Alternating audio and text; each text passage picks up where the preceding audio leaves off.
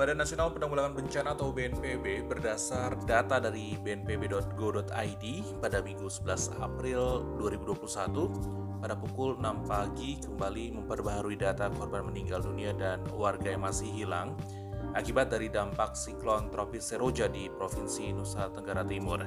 Data terbaru, sebanyak 174 orang meninggal dunia di Nusa Tenggara Timur dan 48 orang masih hilang. Sementara itu di Nusa Tenggara Barat jumlah korban jiwa masih uh, tetap sebanyak dua orang. Warga yang meninggal dunia di Nusa Tenggara Timur ini tersebar di Kabupaten Lembata, Kabupaten Alor, Kabupaten Sabura Jua, Kabupaten Kupang, Kota Kupang, sementara itu juga ada di Kabupaten Ende dan juga di Kabupaten Sika. Dasarnya dampak dari terjangan siklon tropis Seroja ini jelas menjadi tanda tanya besar dan rasa keingintahuan kita bersama. Kenapa dan ada apa dengan siklon tropis ini? Inilah episode ke-18 podcast Talk Disaster kita kali ini, mitigasi hurricane season, belajar dari Seroja.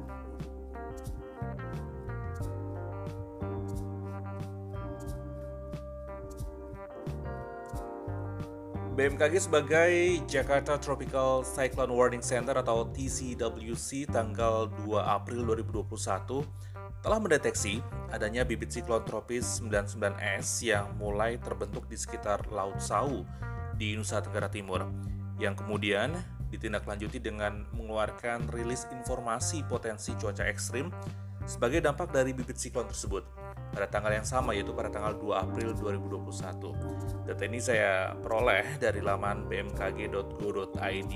Nah, keberadaan dari bibit siklon tropis 99S tersebut menimbulkan terjadinya cuaca ekstrim yang signifikan berupa hujan sangat lebat, angin kencang, gelombang laut yang tinggi dan berdampak pada terjadinya bencana hidrometeorologi di beberapa wilayah di Nusa Tenggara Timur. Mengingat bahwa sistem siklon siklon tropis eh, tersebut masih berada di wilayah yang tanggung jawab Jakarta TCWC atau Tropical Cyclone Warning Center, maka nama siklon tropis yang diberikan adalah Seroja. Sesuai dengan urutan nama siklon tropis dari BMKG secara internasional. Ya, uh, pada akhirnya memang siklon tropis Seroja ini menerjang wilayah Provinsi Nusa Tenggara Timur di 4 April 2021. Dampaknya luar biasa. Banjir bandang di wilayah NTT ini menerjang 10 eh, kabupaten dan satu kota dan daerah yang diterjang banjir meliputi Kota Kupang, kemudian juga Kabupaten Flores Timur yang eh, mengalami banjir bandang, kemudian juga di Kabupaten Malaka Tengah, Kabupaten Lembata, Ngada, Alor, Sumba Timur, Rotendao, Saburai Jua, Timur Tengah Selatan dan juga di Kabupaten Ende. Sementara itu eh, Kepala Pusat Data Informasi dan eh, Komunikasi Kebencanaan BNPB, Raditya Jati mengatakan bahwa banjir bandang yang terjadi karena siklon tropis Seroja pada Minggu 4 April 2021 merupakan yang terparah dalam 10 tahun terakhir di NTT. Dan uh, sejauh ini siklon tropis Seroja yang melanda Nusa Tenggara Timur menjadi yang terkuat dari siklon-siklon yang pernah terjadi di Indonesia. Siklon ini, menurut uh, Kepala BMKG, Dwi Korita menjadi siklon yang tidak lazim. Uh, demikian disebut begitu karena masuk sampai ke daratan. Karena biasanya kan terjadi hanya di laut dan tidak sampai ke daratan. Kemudian juga deteksi siklon Seroja pada tanggal 3 April 2021 ini memang masuk hingga masuk ke daratan baru dan menurut Dwi Korita ini pertama kali terjadi di Indonesia. Karena siklon sebelumnya uh, hanya terdeteksi di, terdeteksi di wilayah laut dan tidak sampai ke daratan. Ini yang kemudian disebut sebagai uh, situasi dan kondisi yang uh, tidak lazim terhadap siklon tropis Seroja. Dwi Korita juga menambahkan bahwa kecepatan uh, siklon tropis Seroja saat terbentuk pusarnya, pusarannya itu kecepatannya 85 km per jam dan akibat pusat uh, siklon tropis Seroja ini yang masuk ke daratan mengakibatkan uh, kekacauan di Pulau Andaro.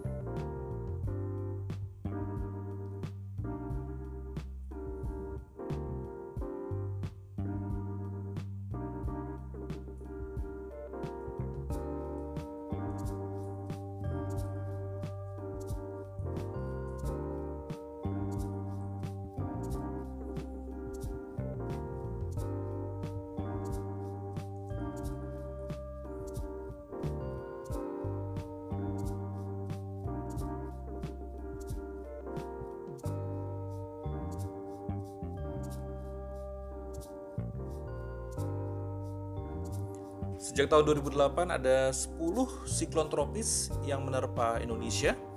Semua siklon tropis ini dinamai dengan nama-nama bunga. Nama-nama bunga pada siklon tropis di Indonesia ini disepakati sejak terbentuknya Pusat Peringatan Dini Siklon Tropis Jakarta pada tahun 2008.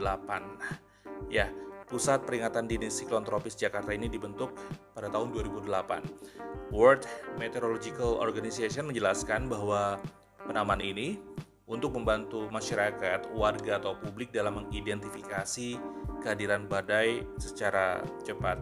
Kita coba review kembali di tahun 2008 itu ada ada siklon Durga, kemudian di tahun 2010 ada siklon Anggrek, 2014 ada siklon eh, Bakung, kemudian di 2017 itu ada dua siklon ya, siklon Cempaka dan Dahlia. Kemudian di 2018 juga ada dua siklon, siklon Flamboyan dan Kenanga. Kemudian di tahun 2019 ada siklon Lili, 2020 itu ada siklon Mangga, dan di tahun 2021 ini di bulan April ada siklon Seroja. Yang menjadi masalah kini adalah frekuensi terjadinya siklon ini kian sering. Apakah ini pola yang bisa terbaca? Apa pun itu memang harus diantisipasi. Sekali lagi, perlu kita belajar dari siklon tropis Seroja. Contohnya, eh, saya coba ulang kembali di tahun 2008 terjadi sekali saja kemudian di tahun 2010 uh, eh, berikutnya terjadi di tahun 2014 namun intensitas terjadinya siklon tropis itu terus naik dari tahun ke tahun. Tercatat sejak 2017 siklon tropis terjadi hingga dua kali dalam setahun. Ya 2017 itu ada dua, dua siklon ya siklon Cempaka dan Dahlia. Kemudian di 2018 itu ada siklon Flamboyan dan Kenanga 2019 ada siklon Lili 2020 ada siklon Mangga dan di April sekarang ini ada siklon Seroja yang terjadi pada 4 April 2021. Lebih lanjut, Kepala BMKG juga mengatakan kalau kondisi siklon ini akan menjadi uh, kejadian rutin setiap tahun dan menjadi hal yang uh, mudah-mudahan tidak menjadi kejadian yang normal, tapi walau bagaimanapun ini harus diantisipasi bersama. Lalu bagaimana dengan siklon uh, setelah Seroja? Uh, penamaannya seperti apa. Yang jelas uh, eh, BMKG dari laman meteo.bmkg.go.id uh, eh, setelah adanya set, uh, sik, uh, siklon Seroja akan bernama Teratai. Kemudian lagi-lagi uh, seperti yang terlampir dalam uh, laman meteo.bmkg.go.id ada list selanjutnya atau di list B-nya itu kalau yang saya baca itu ada anggur, kemudian ada uh, siklon uh, belimbing, duku, jambu, lengkeng, melati, nangka, pisang, rambutan sampai dengan sawo. Itu daftar yang uh, nama-nama uh, yang menanti urutan-urutan setelah seroja itu nanti akan ada teratai, kemudian juga nama-nama buah yang barusan saya sebutkan tadi. Coba dibuka di halaman meteo.bmkg.go.id itu ada uh, list B alternatif penamaannya setelah Seroja itu. Nah, melihat data kondisi siklon tropis di Indonesia menjadi uh, yang kejadian rutin setiap tahun menjadi hal yang normal ini yang memang harus uh, diantisipasi bersama. Lagi-lagi memang masih harus diantisipasi bersama. Siklon tropis Roja ini menunjukkan wilayah Indonesia tidak terlepas dari bencana itu dan sistem peringatan dini akan ancaman bencana ini perlu dipersiapkan untuk mengurangi risiko bencana. Benar, beberapa hari jelang terjangan siklon tropis Roja, BMKG telah merilis potensial damage yang akan ditimbulkan. Namun, nyatanya di luar dugaan, siklon ini menerjang daratan. Perlu diungkap sekali waktu, uh, pernah diungkap ya, ya pernah diungkap sebenarnya sekali waktu bahwa yang perlu diingat bahwa benar perakhiran cuaca yang dirilis BMKG itu telah diolah melalui sejumlah proses mulai dari memperoleh data dari radar dan satelit dan juga dihitung secara uh, matematis hingga diverifikasi dengan data lokal. Namun tingkat akurasi perakhiran cuaca yang dirilis BMKG ini mencapai 80 sampai 85% saja. Sisanya itu menjadi dinamika di atmosfer. Ya, sisanya ini yang menjadi pekerjaan rumah bagaimana bisa mendapatkan akurasi 100%. Caranya bagaimana? Dalam kasus Roja 4 April 2021, selisih akurasi ini damage-nya luar biasa. Tentu saja, pengalaman pahit ini tidak kita inginkan terulang kembali. Mengingat Sekali lagi, kondisi siklon tropis di Indonesia menjadi kejadian rutin setiap tahun. Ini dari dari pola dan pattern yang terjadi uh, di tahun 2017 dan juga di tahun 2018 yang mengalami dua kali siklon tersebut. Lantas apa yang harus disiapkan?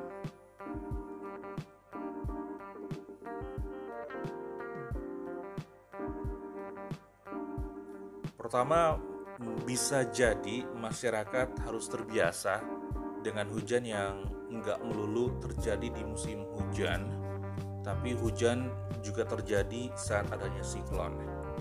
Dan dari data sudah bisa diketahui kapan datangnya siklon sama dengan terjadinya hujan. Karena perakhiran cuaca yang dirilis BMKG itu telah diolah melalui sejumlah proses. Seperti yang tadi saya sampaikan, mulai dari memperoleh data dari radar, kemudian juga data dari satelit dan kemudian diperhitungkan secara sistematis, secara matematis dan eh, hingga diverifikasi dengan data lokal. Daya dukung alam juga perlu dikoreksi, artinya sebenarnya banjir bandang, longsor itu bisa terjadi akibat daya dukung alam yang minim dan hujan hanya merupakan pemicunya saja, bukan hujan penyebab banjir atau banjir bandang dan longsor.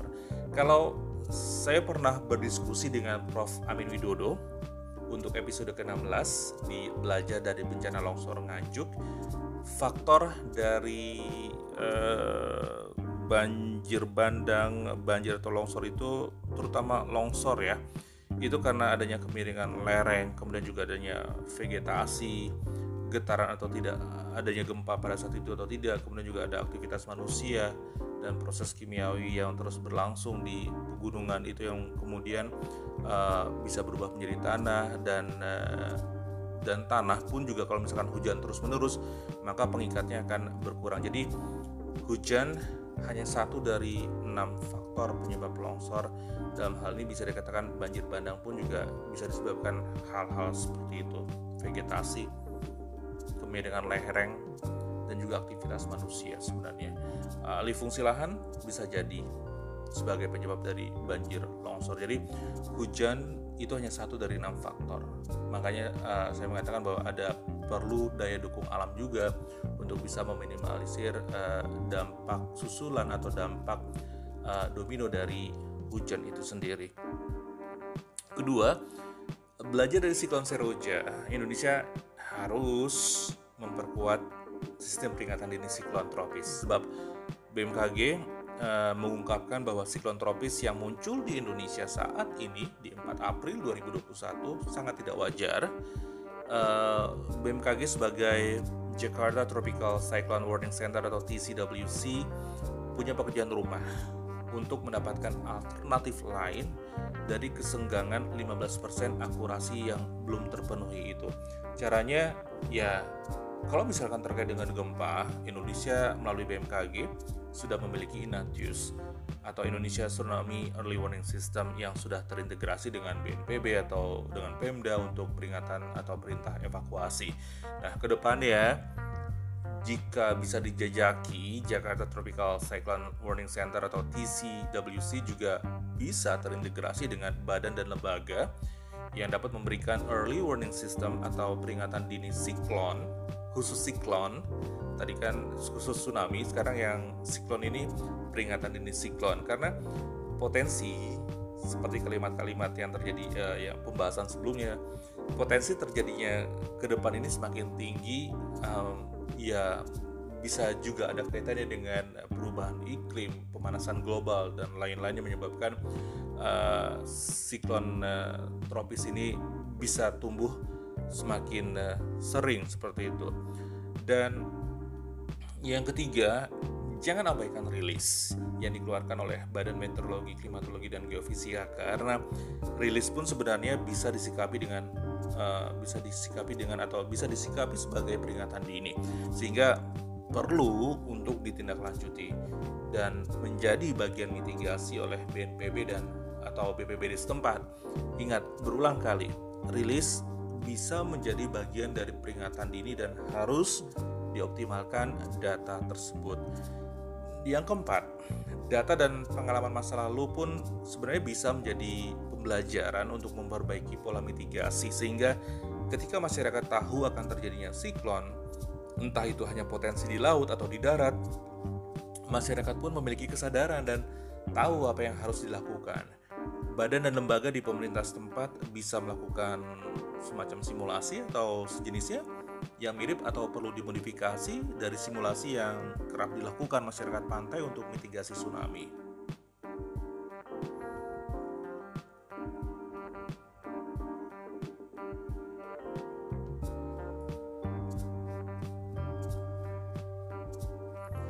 Yang tidak kalah penting lainnya adalah masuknya masa pemulihan ya. Karena presiden pun pada kunjungannya, kunjungan kerjanya ke lokasi bencana meminta agar penanganan bencana dilaksanakan dengan cepat dan baik, termasuk pemberian bantuan pelayanan kesehatan, ketersediaan logistik, dan kebutuhan dasar bagi para pengungsi, serta perbaikan infrastruktur.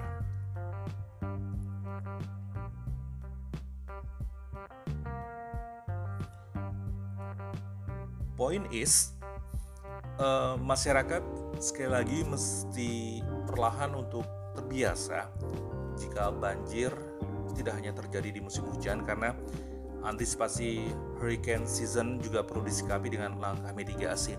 Sekali lagi jika melihat data dari siklon sebelumnya sejak 2018 sampai dengan 2014, deteksi siklon ini terjadi setiap 2 sampai 4 tahun sekali yakni pada tahun 2008, 2010 dan 2014. Namun saat ini deteksi siklon terjadi hampir setiap tahun. Perlu belajar dan membiasakan diri dengan hurricane season. Itu tadi Talk Disaster untuk episode ke-18, mitigasi hurricane season, belajar dari Seroja. Feel free untuk berdiskusi melalui Instagram prihadi underscore adi. Terima kasih telah menyimak Talk Disaster episode kali ini. Saya Prihadi Hadir ucap terima kasih dan pamit undur diri. Sampai jumpa di topik kebencanaan lainnya.